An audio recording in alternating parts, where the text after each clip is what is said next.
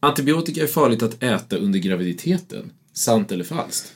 Vissa antibiotika eh, stämmer att det kan påverka fostret eh, och det måste alla förskrivare ha koll på. Eh, så man ska alltid kolla om man behöver ge antibiotika till en gravid kvinna att det inte är någonting som kan påverka fostret. I think it's a disgrace that information that was false and fake and never happened got released to the public.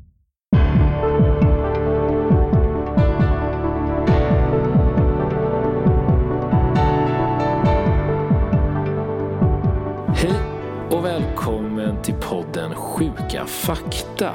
En podd som hjälper oss att navigera bland olika myter och föreställningar som omgärdar hälsa i stort och människokroppen. Idag ska vi prata om ett potentiellt apokalyptiskt fenomen, i alla fall om man ska tro vissa. Det finns de som tror att mänskligheten kommer gå under på grund av denna företeelse och det finns andra som tror att det här är det som kan komma att göra oss övermänskliga. Dagens ämne är som några kanske redan gissat antibiotika och antibiotikaresistens. Och för att upplysa oss om detta potentiellt mörka eller ljusa fenomen har vi med oss en docent och överläkare i klinisk mikrobiologi vid Karolinska Universitetssjukhuset. Professor. Det, det, här, det här kommer vi att få göra om. Förlåt. Man ska aldrig liksom ha fel på titlarna. Professor och överläkare. Nej, man får jobba ett tag för dem. Så det, man Och du, och du har jobbat en del för den här titeln, så rätt ska vara rätt. Och nu vet ju inte lyssnarna vad du heter ännu, så att du är ingen mindre än Christian Giske. Det stämmer bra. Välkommen! Kul! Tack för det. Jag kommer jag gå runt och skämmas, men jag har faktiskt gjort lite, lite bakgrundskoll och googlat dig och tänkte bara först fråga innan vi börjar, för jag hittade på nätet en grupp som heter The Giske Group. Ja, och den kallas ju ibland också eh, på svenska bara Christian Giskes forskargrupp. Och det är en av forskargrupperna på, på Karolinska institutet som ligger under då, eh, institutionen för laboratoriemedicin som håller till här i Flemingsberg. Då. Så Och, vad, och vad, vad gör ni i den här forskargruppen? i forskargruppen håller vi på med eh, ganska olika aspekter av eh, antibiotika och antibiotikaresistens. Det är väldigt brett spekter av olika projekt. Allt från hur man testar eh, antibiotika med, eh, med olika nya metoder. Eh, vi tittar på eh, olika sätt att eh, förutsäga risken för att ha resistenta infektioner. Till exempel, vi ser ganska mycket på tarmflora och den typen av eh, eh, problem och vi letar också efter lite nya sätt att hantera antibiotikaresistens på. Eh, till exempel om vi kan bota personer som är bärare av resistenta bakterier. Det är en av frågorna som vi också är rätt intresserade av. Så ganska brett anslag mot eh, eh, bakterier och gemensamma nämnaren är att det är allt som vi sysslar med egentligen är relaterat till antibiotika.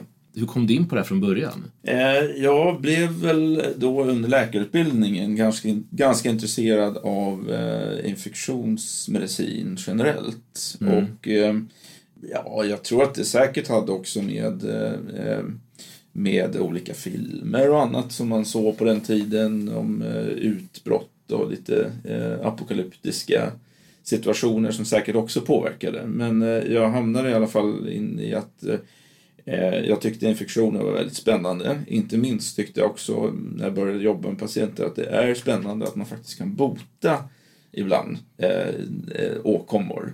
Inte bara titrera ut och förbättra eh, till viss del så som man gör inom en del områden där man inte kan kurera eh, från kroniska sjukdomar till exempel. Utan här kan man faktiskt då ha en, en person som är jättesjuk och sen några dagar efter är jättefrisk igen. Om allt går på det, det, det sättet som det ska göra. Och det var ju någonting som jag tyckte var rätt fascinerande. Sen hade jag planer om att börja med infektionsmedicin men eh, av olika skäl så hamnade jag först inom bakteriologi och hade tänkt att jobba där ett tag och skaffa mig den erfarenheten. Men eh, fastnade då för det här och sen har jag gjort infektionsmedicin också till viss del under min utbildning då. Men eh, jag har någonstans landat i att det här är väldigt kul och framförallt när jag får kombinera med då eh, forskningen inom det området. Det var det som kanske då gjorde det för mig. Det är ju rätt spä- det är ju spännande ju. Ja, det tycker jag absolut. Och många vet ju att bakterier orsakar sjukdom och det är något negativt. Men samtidigt på TV så finns det drickyoghurt som säger att nej, men de här innehåller goda bakterier eller bakterieflora som de brukar nämna. Ja. Vad är skillnaden där? Eh, det är ju så att eh, eh, vår kropp består av till väldigt stor del av bakterier. Eh, och vi har eh, minst lika många bakterieceller som vi har andra mänskliga celler. Så en del av oss är ju våra bakterier. Och de har en viktig funktion eh, på olika sätt i, eh, i kroppen. Det gäller till exempel det som finns på huden som skyddar oss.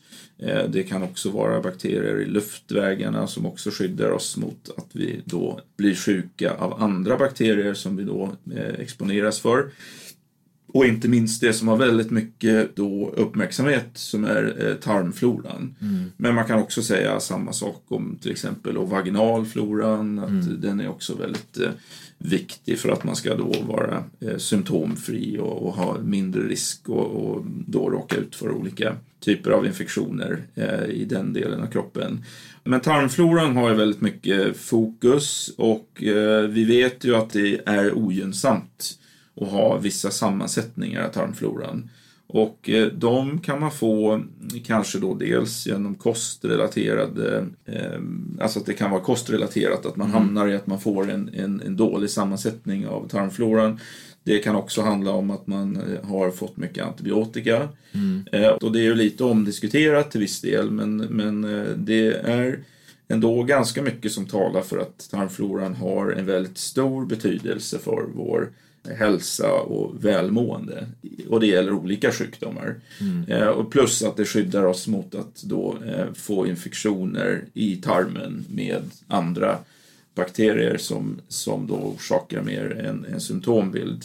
Sen är det omdiskuterat om man då genom till exempel drickyoghurt där i hur stor grad det faktiskt då nyttar, i hur stor grad det ger en varaktig ändring av sammansättningen.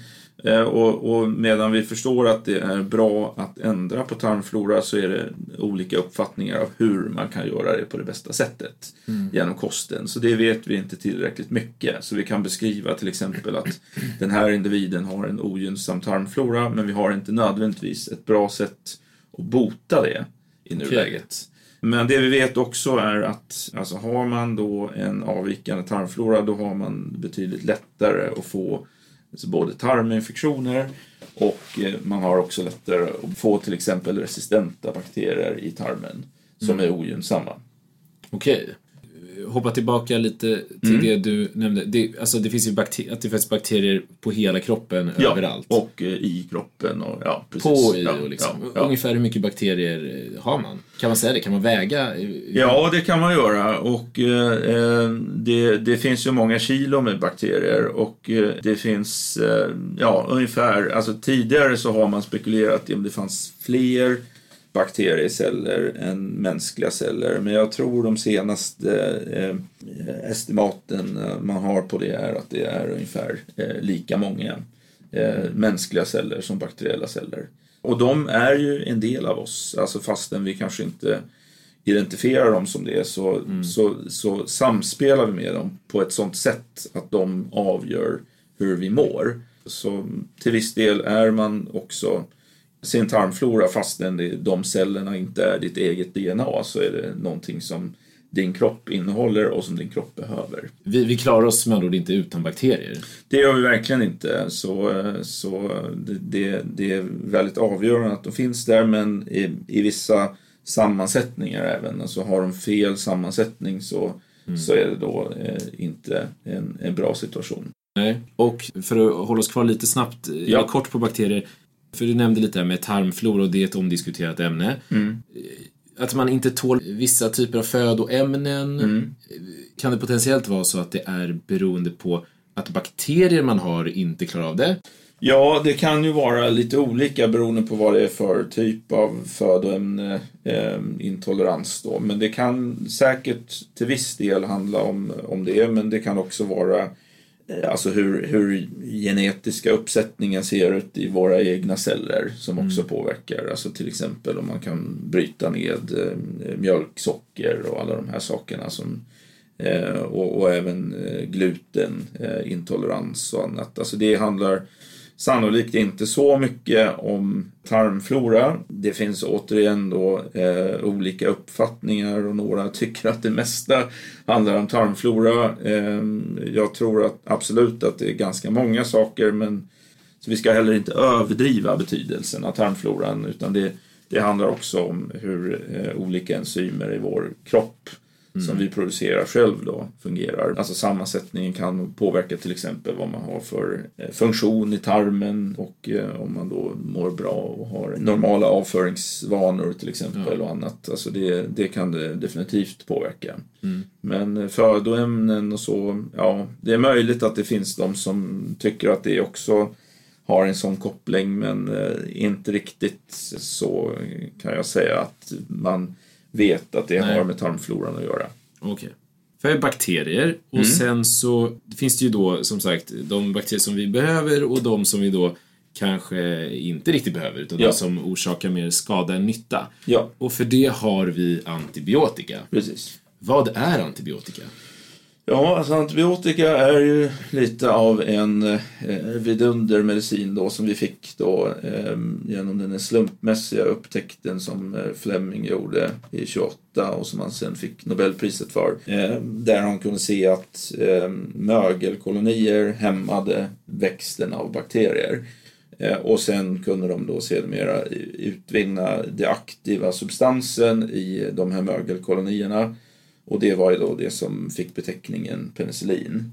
Och det blev någonstans starten på eh, några framgångsrika decennier där man utvecklade massor med nya antibiotika hela tiden och det kändes som att man hade löst problemet med eh, bakterier och, och bakteriella infektioner så tillvida att folk nästan fick råd att det inte var någon idé att satsa på infektionsmedicin för det här var ett redan löst problem. Mm. Men sen så kom ju då eh, problemen. Dels eh, då att eh, man fick eh, motståndskraftiga bakterier och det handlade ju mycket om eh, sättet som man använde antibiotika på och att man då under en väldigt lång tid också tänkte att det inte var något större problem om det blev resistenta bakterier eftersom man kunde utveckla nya preparat. Eh, men sen till slut så kom man till eh, en situation där den här utvecklingen då började eskalera och även där eh, läkemedelsföretagen såg att lönsamheten inte var optimal. Och då började de nedprioritera utvecklande av nya antibiotika och det blev en då väldigt dålig mismatch där man dels fick mer resistens och dels färre antibiotika. Sen så tog det här lite fart igen, kanske för en tio års tid sedan, möjligen lite mer, där man igen började uppmärksamma problemet och, och satsa på att stimulera eh, läkemedelsindustri att satsa på antibiotika igen. Och det har de delvis gjort, men eh, det tar lång tid att utveckla nya preparat och under tiden så har, fortsätter eh, resistensproblemen då eh, utvecklas och även när vi får nya läkemedel nu så ser man att det går ganska kort tid innan det ofta blir resistens mot dem också. Så även alla de nya preparaten löser inte riktigt alla problem och eh, det handlar om att använda dem på ett ansvarsfullt sätt när de väl kommer. Mm. Och det går inte alltid ihop med kraven om lönsamhet som också finns för industrin av förklarliga skäl för de har ju haft eh, kostnader för att utveckla och de vill även då tjäna pengar på det. Och där hamnar man ju lite i det här med om man måste ha andra system då för vissa eh, läkemedel som är väldigt viktiga för samhället. Där det kanske inte bara går att använda de vanliga marknadsekonomiska incentiverna för att det inte alltid är eh, direkt en jättestor marknad. Men i korta drag, alltså tillbaka till vad antibiotika är, så handlar det alltså om preparat som då i bästa fall ska döda bakterier och mm. påverka våra egna celler så lite som möjligt. Och har vi kommit underfund med då senare, det bästa är om de dessutom är så selektiva som möjliga mot de bakteriecellerna vi vill döda mm. och att de skonar de som vi vill behålla. Men det är väldigt ofta en väldigt svår sak att få till den kombinationen. Mm. Så väldigt ofta är det så att den antibiotikabehandlingen som dödar bakterier vi vill bli av med, den dödar samtidigt nästan alltid även bakterier som vi egentligen vill behålla. Och det är den stora utmaningen då, att hitta någonting som är tillräckligt selektivt. För det här blir lite mer trubbigt. Alltså man brukar prata om collateral damage. Alltså mm. det är lätt att man hamnar i alla de här krigsbegreppen. Eh, men, men det, det är väl lite krig, men på precis, väldigt liten nivå. Eh, jo, det är ju det. Men här blir det verkligen att man har massor med oskyldiga civila som åker med eh, när man då mm. vill ta dem som har då varit ett problem som har orsakat en infektion. Så det är huvudproblemet med alla antibiotika att eh, man får nästan alltid den här problematiken med att de inte bara dödar de bakterierna man vill eh, bli av med utan mm. även alla de andra.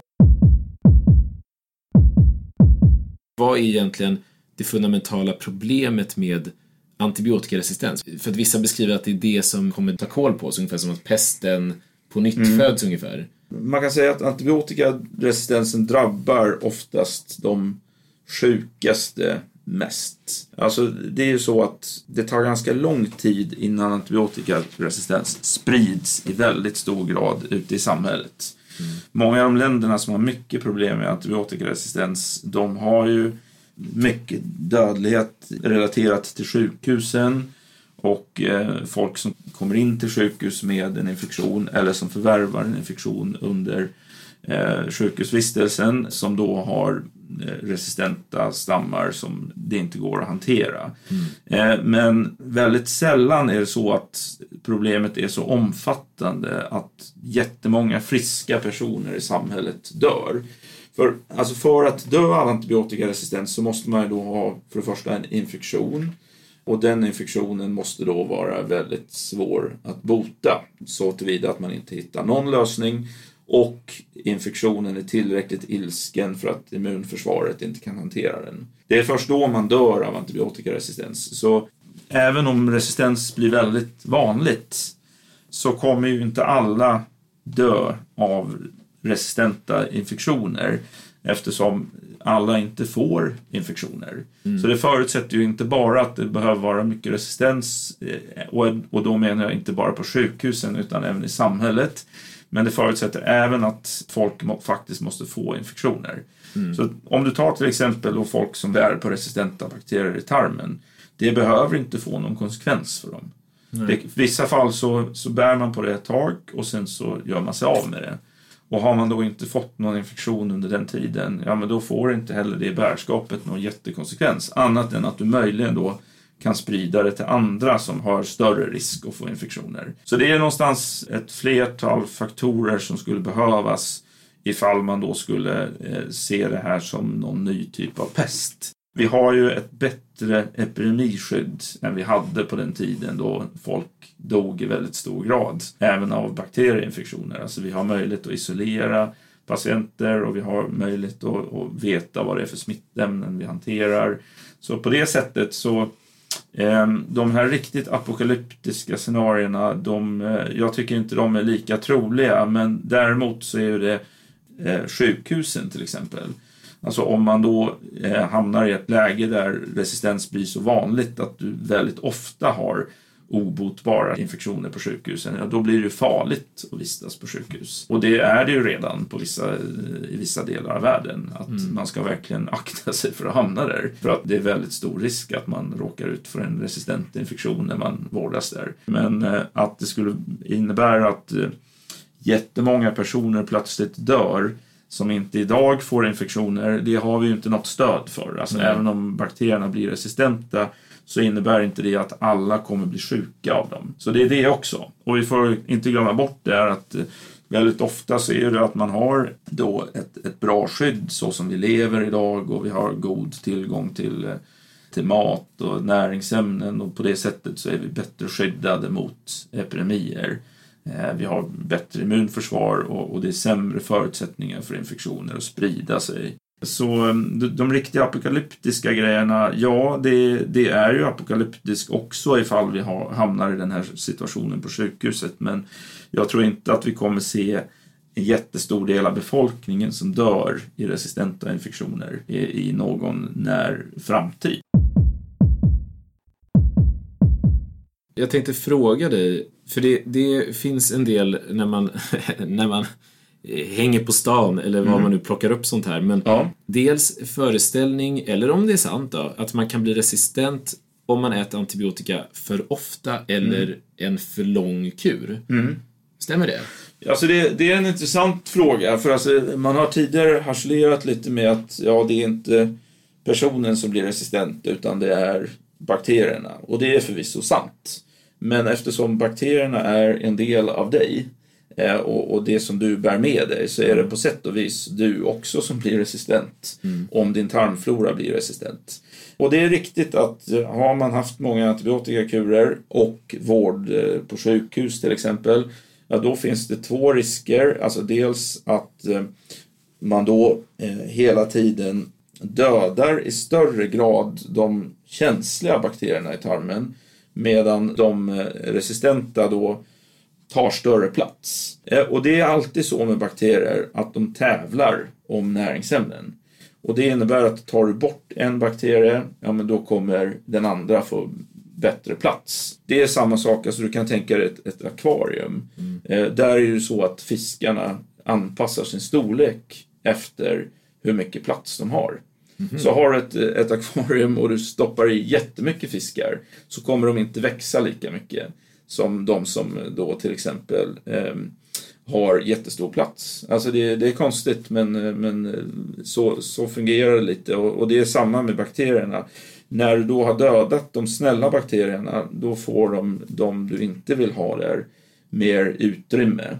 Och framförallt är det också så att de snälla bakterierna de skyddar mot att det tillförs till exempel vid sjukhusvård då ogynnsamma bakterier till din tarm. Då blir det återigen tävlingen. Alltså finns det då en bra tarmflora så kommer den skydda för den kommer tävla med de resistenta bakterierna. Men om den är helt eh, utslagen ja då, då finns det fritt spelrum för de resistenta att bara komma och ta över. Och, och då etablerar de sig. Alltså rent tekniskt är det bakterierna man bär på som blir mer och mer resistenta.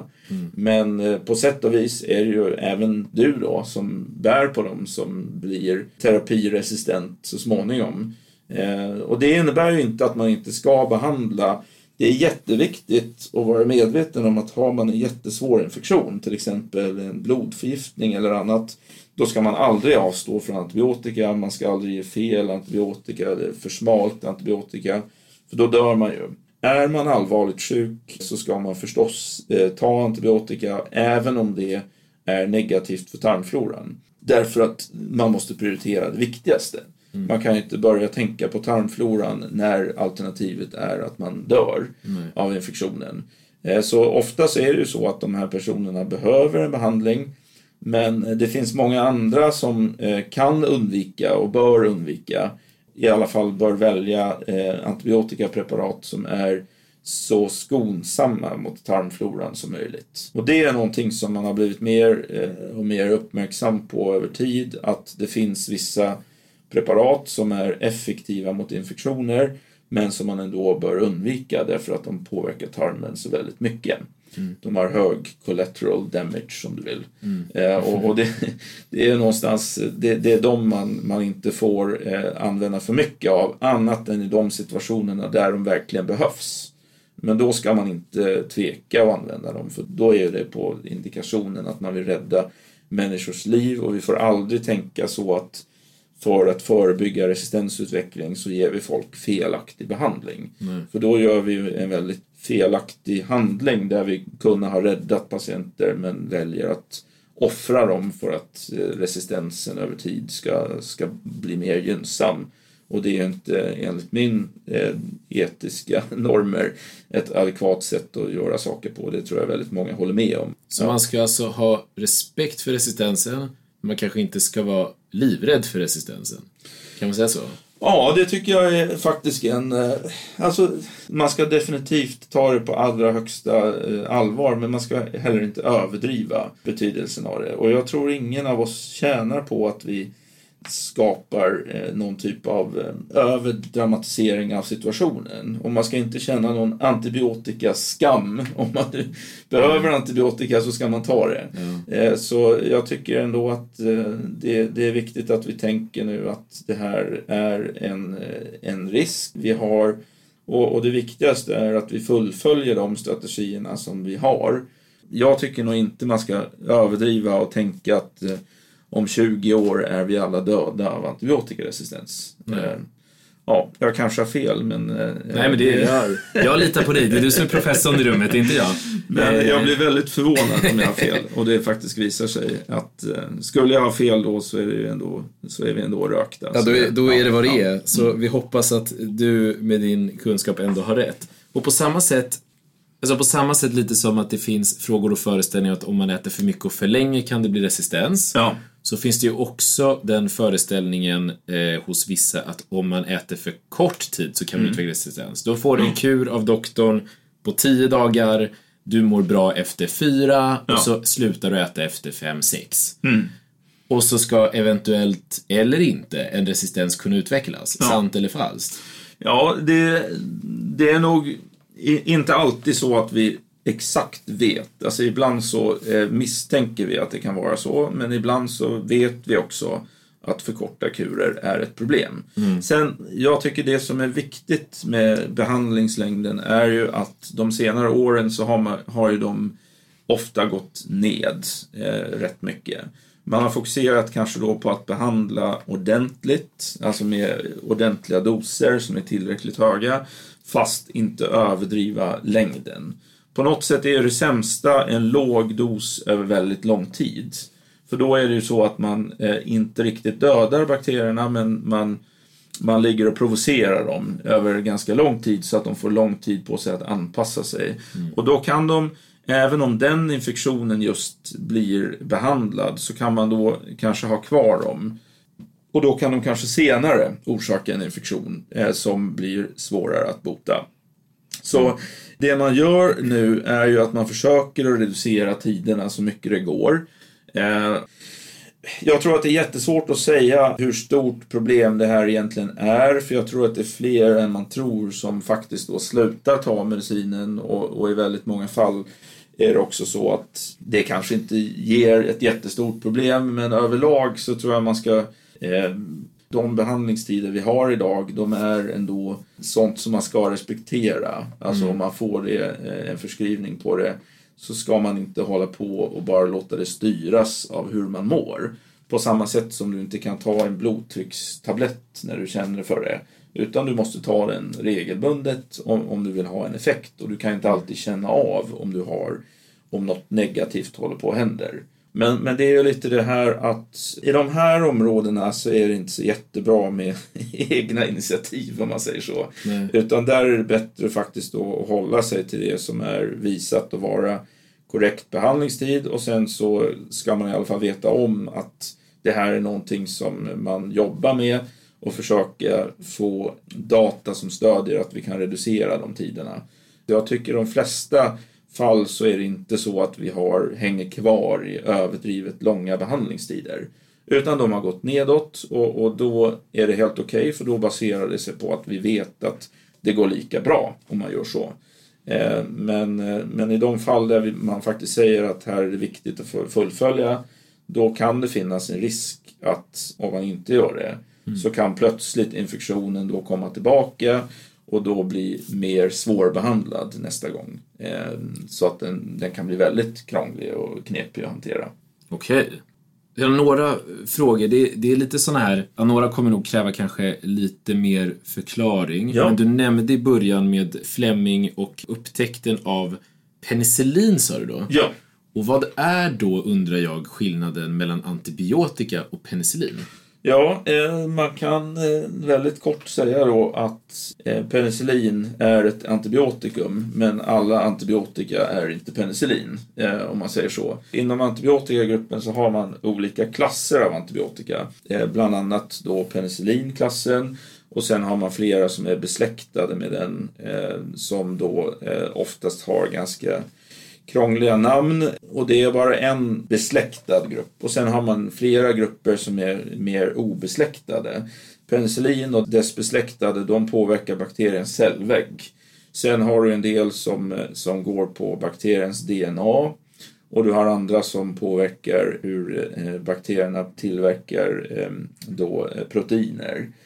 Så det finns olika attackpunkter för olika klasser av antibiotika och penicillin är en av de klasserna och den som folk känner igen ofta från öppenvården. Mm. Det finns jättemånga olika antibiotika och man ska använda dem i rätt situation. Om du jämför med blodtrycksmediciner så är det nästan alltid så att eh, det kommer en ny, ett nytt preparat och det är bättre än de föregående. Mm. De kan visa på att det, det, ökar överlevnaden och så vidare och det, då finns det ingen anledning och vara kvar i de gamla förutom att de är billigare. Med antibiotika är det inte riktigt så, för det är alltså lite mer, mer som gungor och karuseller, att det man vinner på den ena förlorar man på den andra och tvärtom. Så det, det, är därför vi behöver många antibiotika, för det är så många olika typer av bakterier som vi behöver täcka. Och då är det att hitta rätt antibiotika till rätt situation. Eh, och därför så måste man ha koll på rätt många och det är inte så att det bara är två eller tre och att man hela tiden tar det bästa så kallat. För det, mm. det som är bäst för någonting, det är inte bäst för något annat. Men då måste man förstås också veta att eh, det fungerar och det är därför vid väldigt svåra infektioner då måste vi ge väldigt breda preparat som, som då påverkar tarmfloran mycket och det måste vi ge direkt. Mm. Och det är för att vi kan inte riskera att vi ger fel. Kan man använda antibiotika mot förkylning? Nej, det kan man inte. Alltså en klassisk förkylning är ju då eh, alltid orsakat av virus. Eh, och det eh, kommer inte ha effekt att ge eh, antibiotika i det läget. Sen kan det vara vissa långdragna förkylningar som går över till till exempel bihåleinflammationer och annat och att det blir det börjar som en vanlig förkylning men det går inte över som en vanlig och man börjar få hög feber och, mm. och må allmänt dåligt och då kan det vara att man ska ha antibiotika eh, i vissa fall men många infektioner är också ganska självbegränsande och då är det eh, för individen själv också en fördel att avstå från att ta eh, ett preparat som eh, är negativt för tarmfloran bland annat. Har man eh, alltså, en riktig halsfluss till exempel, alltså ingen snuva men en riktig halsfluss, ja, då tycker jag personligen alltså, då ska man gå och söka vård och man ska inte vara orolig över att ta antibiotika i det läget. Så är man ordentligt sjuk så ska man inte behöva tänka så att nej, det är bäst att jag klarar mig utan. Utan det viktiga är just att eh, i de situationerna där det är en klassisk förkylning och man vet att det här är till 100% virus som orsakar det, ja då, då ger det ingen mening att ta ett, ett preparat som inte har effekt mot virus. Nej, Nej. Och, och antibiotika fungerar, för den som inte vet tänker jag, mm. för virus orsakar ju också sjukdom. Ja. Men antibiotika funkar inte på virus. Nej, precis. Det finns ju vissa preparat som heter antiviraler eh, och de är ju mot virus. Ja. Och eh, där finns det ju en del preparat. Till exempel så har vi ju läkemedel mot eh, HIV som mm. är väldigt effektiva och som förhindrar att folk utvecklar aids och så, så som man såg i de gamla tiderna. Men, men det, det finns läkemedel mot virus men inget som eh, alls ska eh, förskrivas eh, i, eh, när man har förkylning. Och definitivt hjälper det inte med penicilliner och annat som bara är aktiva mot vissa typer av bakterier. Så virus är liksom en en helt annan del och har inte med den här resistensen att göra heller. Precis, alltså det, ibland så pratar man om båda och svampmedel så kan man prata om antimikrobiella medel ja. och det innefattar alla. För det är också en ytterligare grupp som vi inte har pratat om då men till exempel folk som har försvagat immunsystem, de kan bli sjuka av svampar också. Och då behöver man ytterligare en annan grupp av mm. preparat. Så det gäller att hitta de som är eh, rätt. Men om du använder antibiotika så menar man det synonymt med de som är mot eh, bakterier. Det, det har funnits en hel del föreställningar som jag tänkte vi ska rada ja. upp lite snabbt bara eh, som har att göra med intag, alltså födointag. Ja. Eller, eller dryck som vi nu ska mm. få lära oss då. Och det första då det är att det finns de som säger att det är farligt att ta antibiotika på fastande mage och de som säger att man ska ta det på fastande mage. Finns det någon sån generell regel eller finns Nej, det? det, det gör det inte. Alltså, ofta så är det bra att ta antibiotika tillsammans med mat. Men det finns vissa antibiotika där man inte ska kombinera det till exempel med mjölkprodukter och annat. Men då så ska det framgå egentligen eh, och det är ju någonting som läkarna ska informera om. Att man ska ta det så. Men annars så är det absolut ingen fördel att ta antibiotika på fastande mage. Alltså det enda man vill undvika är om det finns eh, någonting då till exempel kalcium eller något annat som påverkar upptaget av antibiotika. Men det, det är bara i vissa specifika situationer och då, då ska man varnas om det. På samma sätt som man ska varnas med vissa antibiotika att man inte ska vara ute i solljus och så för att man kan få utslag och annat. Just det, för det Så- tänkte jag fråga. För ja. det är en annan sån föreställning om det är farligt att sola när man äter antibiotika. Nej, de flesta antibiotika inte, men det finns några eh, där man ska eh, tänka på det. Men då ska det vara specifik eh, information om det i de situationerna. Okej. Och sen finns det lite, lite föreställningar om kopplingen antibiotika och alkohol. Ja. Och eh, bara för att liksom banta ner det till, Ja. till två olika frågeställningar. Det ena är, är det farligt att dricka alkohol i samband med intag av antibiotika? Det generella svaret på det är nej. Eh, man kan kombinera alkohol med eh, antibiotika. Det finns enstaka antibiotika där man kan få en viss reaktion, alltså lite som den här antabusreaktionen som man kan få då. eh, i- men, men eh, det är någonting som eh, är väldigt ovanligt och även med de preparaten där det sägs vara en risk så är det ganska ovanligt att man reagerar så. Så måttlig alkoholkonsumtion eh, går eh, bra tillsammans med eh, antibiotika. Om det inte är någon väldigt speciell omständighet, men då ska eh, man informeras om eh, att det här inte ska eh, kombineras. Då.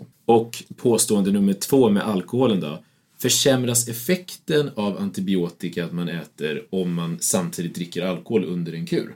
Nej, det, det, det påverkar inte utan eh, det, det tas upp oberoende av varandra och de, eh, de har ingen koppling i hur de fungerar och, och alkoholen kan inte ta sönder antibiotikat på det sättet. Nej. Så, eh, så det, det påverkar heller inte. Nej, det är bra att veta, för det har man hört väldigt blandat. Ja, och, och det, det finns enstaka preparat då som man säger att man inte ska kombinera men egentligen är det inte någon jätte eh, farliga saker som kan uppstå utan det kan vara lite obehag att man eh, får, får en, alltså känner sig varm och blir röd i ansiktet och så övergående.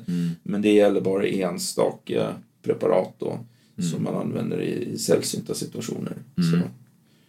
Så det var, och det var antibiotika och dryck. Sen finns det också föreställningar om antibiotika och mat. Det mesta jag kommit i kontakt med när jag har hört mig för och sökt runt handlar mer om i samband med köttkonsumtion.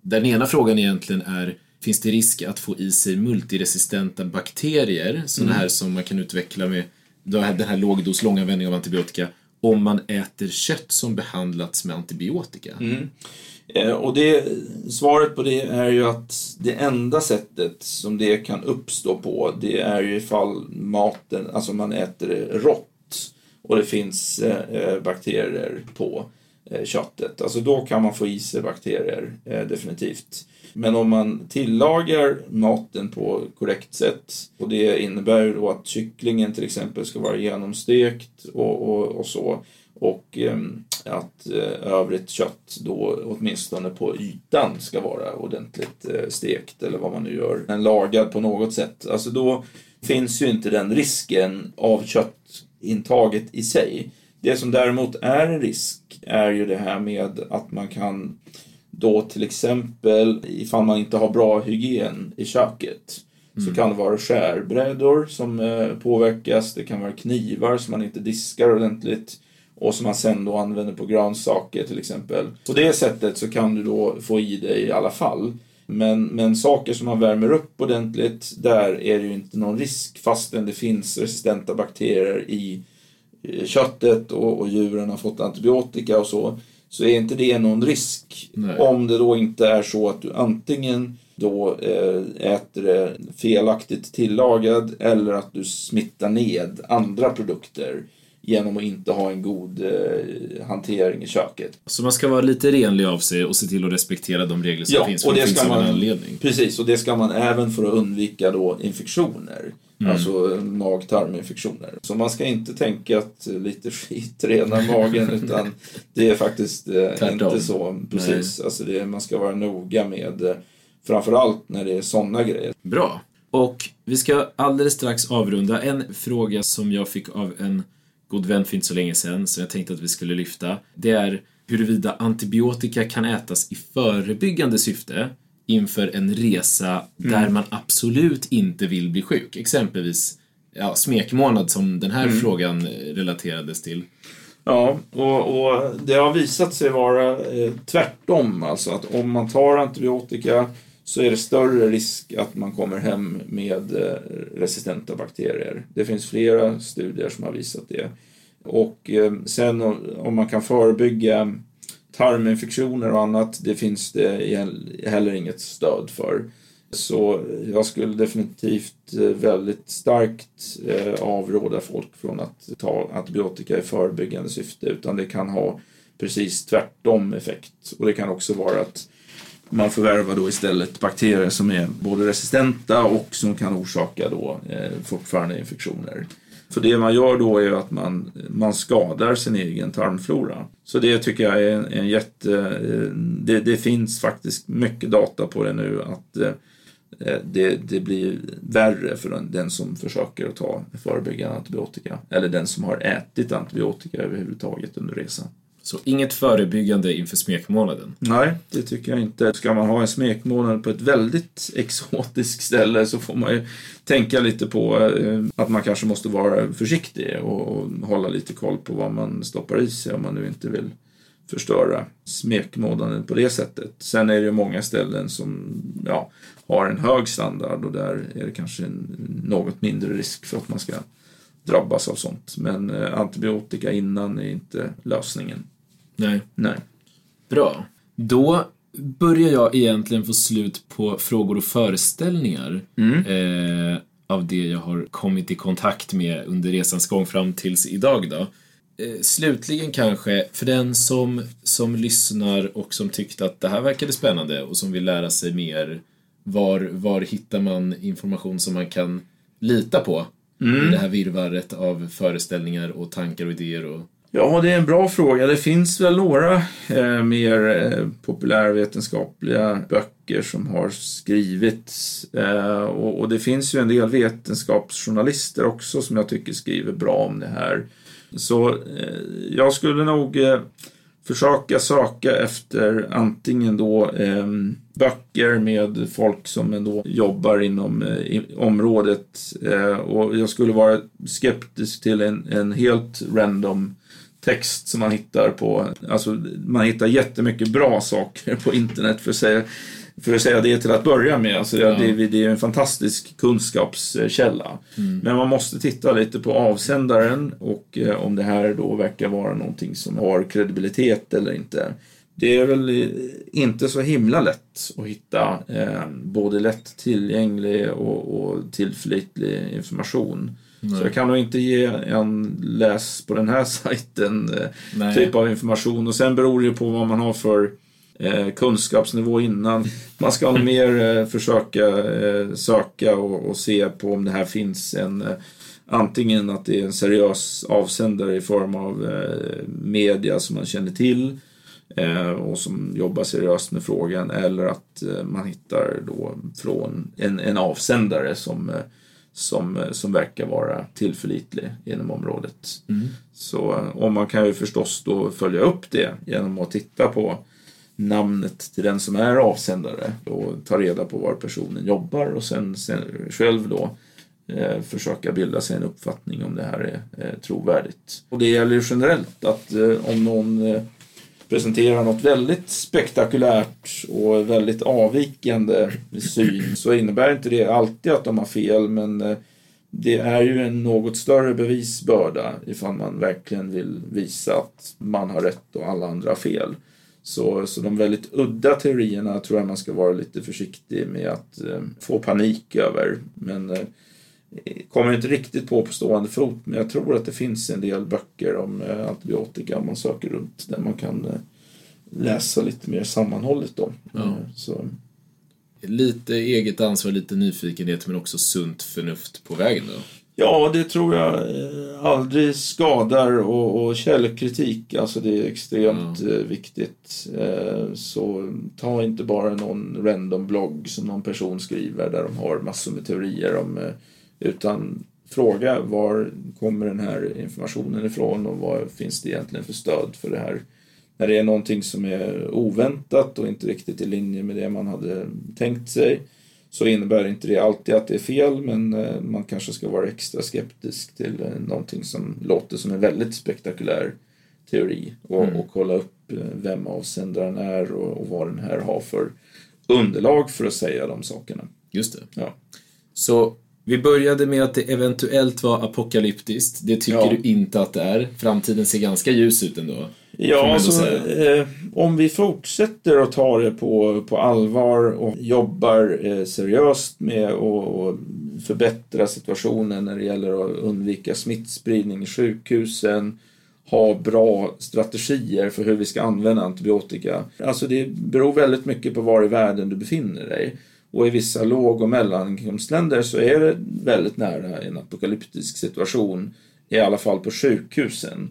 Men jag tror att det man ska ta med sig är att eh, det att folk dör på sjukhusen, det betyder inte att alla kommer dö i samhället eller att eh, Nej. massor med personer som inte har, är i behov av sjukhusvård, de kommer ju fortfarande överleva det. Men eh, det kommer innebära att om man hamnar på sjukhus och får allvarliga infektioner så blir det kanske extremt svårbehandlat. Och så kan det bli här också, men eh, men ser man på eh, vår situation här till exempel, ja då är det ju inte troligt att det kommer hända jättedramatiska saker. Men det är långsamt och det kan vara nog så allvarligt. Alltså även om det inte plötsligt ändrar sig över natten så, så är det någonting som kommer smygande på ett sätt som gör att man, eh, man måste ha koll på det. Och sen behöver man också andra strategier då för låg och mellaninkomstländer för att avhjälpa situationen där. För där finns det verkligen enorma problem att hantera. Och där är det också många som dör till följd av det här. Och där behöver man både metoder för att påvisa resistens och man behöver dessutom tillgång till eh, de nya preparaten. I många låginkomstländer har ju folk till exempel tillgång till HIV-läkemedel, tuberkulosläkemedel och så. Men det behöver de ju även till antibiotika om det då ska kunna fungera. Så det får vi inte glömma att det finns vissa delar som redan nu har en delvis apokalyptisk situation. Men det innebär alltså inte att folk dör som flugor i samhället utan det, det, det handlar mer om eh, inom eh, sjukvården. Att det, det är där man, man ser de här problemen. Då. Det tar vi med oss. Christian, tack så jättemycket för din tid. Och tack för att du gjorde det här ämnet lite mer begripligt. Tack! Tack för en rolig diskussion. tack!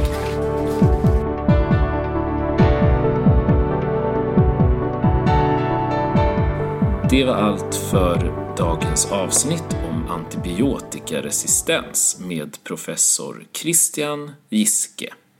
Podden heter fortfarande Sjuka fakta och tack för att vi har fått låna din uppmärksamhet. Vi börjar sakta men säkert närma oss slutet av den första säsongen men har några riktigt vassa ämnen kvar att avhandla dessförinnan. Gillar du podden får du inte glömma att kika in på Sjuka Fakta Podcast på Instagram för extra material, quiz och tävlingar. Har du frågor, tankar eller kommentarer så fungerar Instagram minst lika bra som att mejla till kontakt sjukafakta.se. Nästa tisdag är vi tillbaka återigen i vanlig ordning och jag hoppas innerligt att vi hörs då. Men tills dess, må gott, ta hand om dig och tro inte på allt du hör.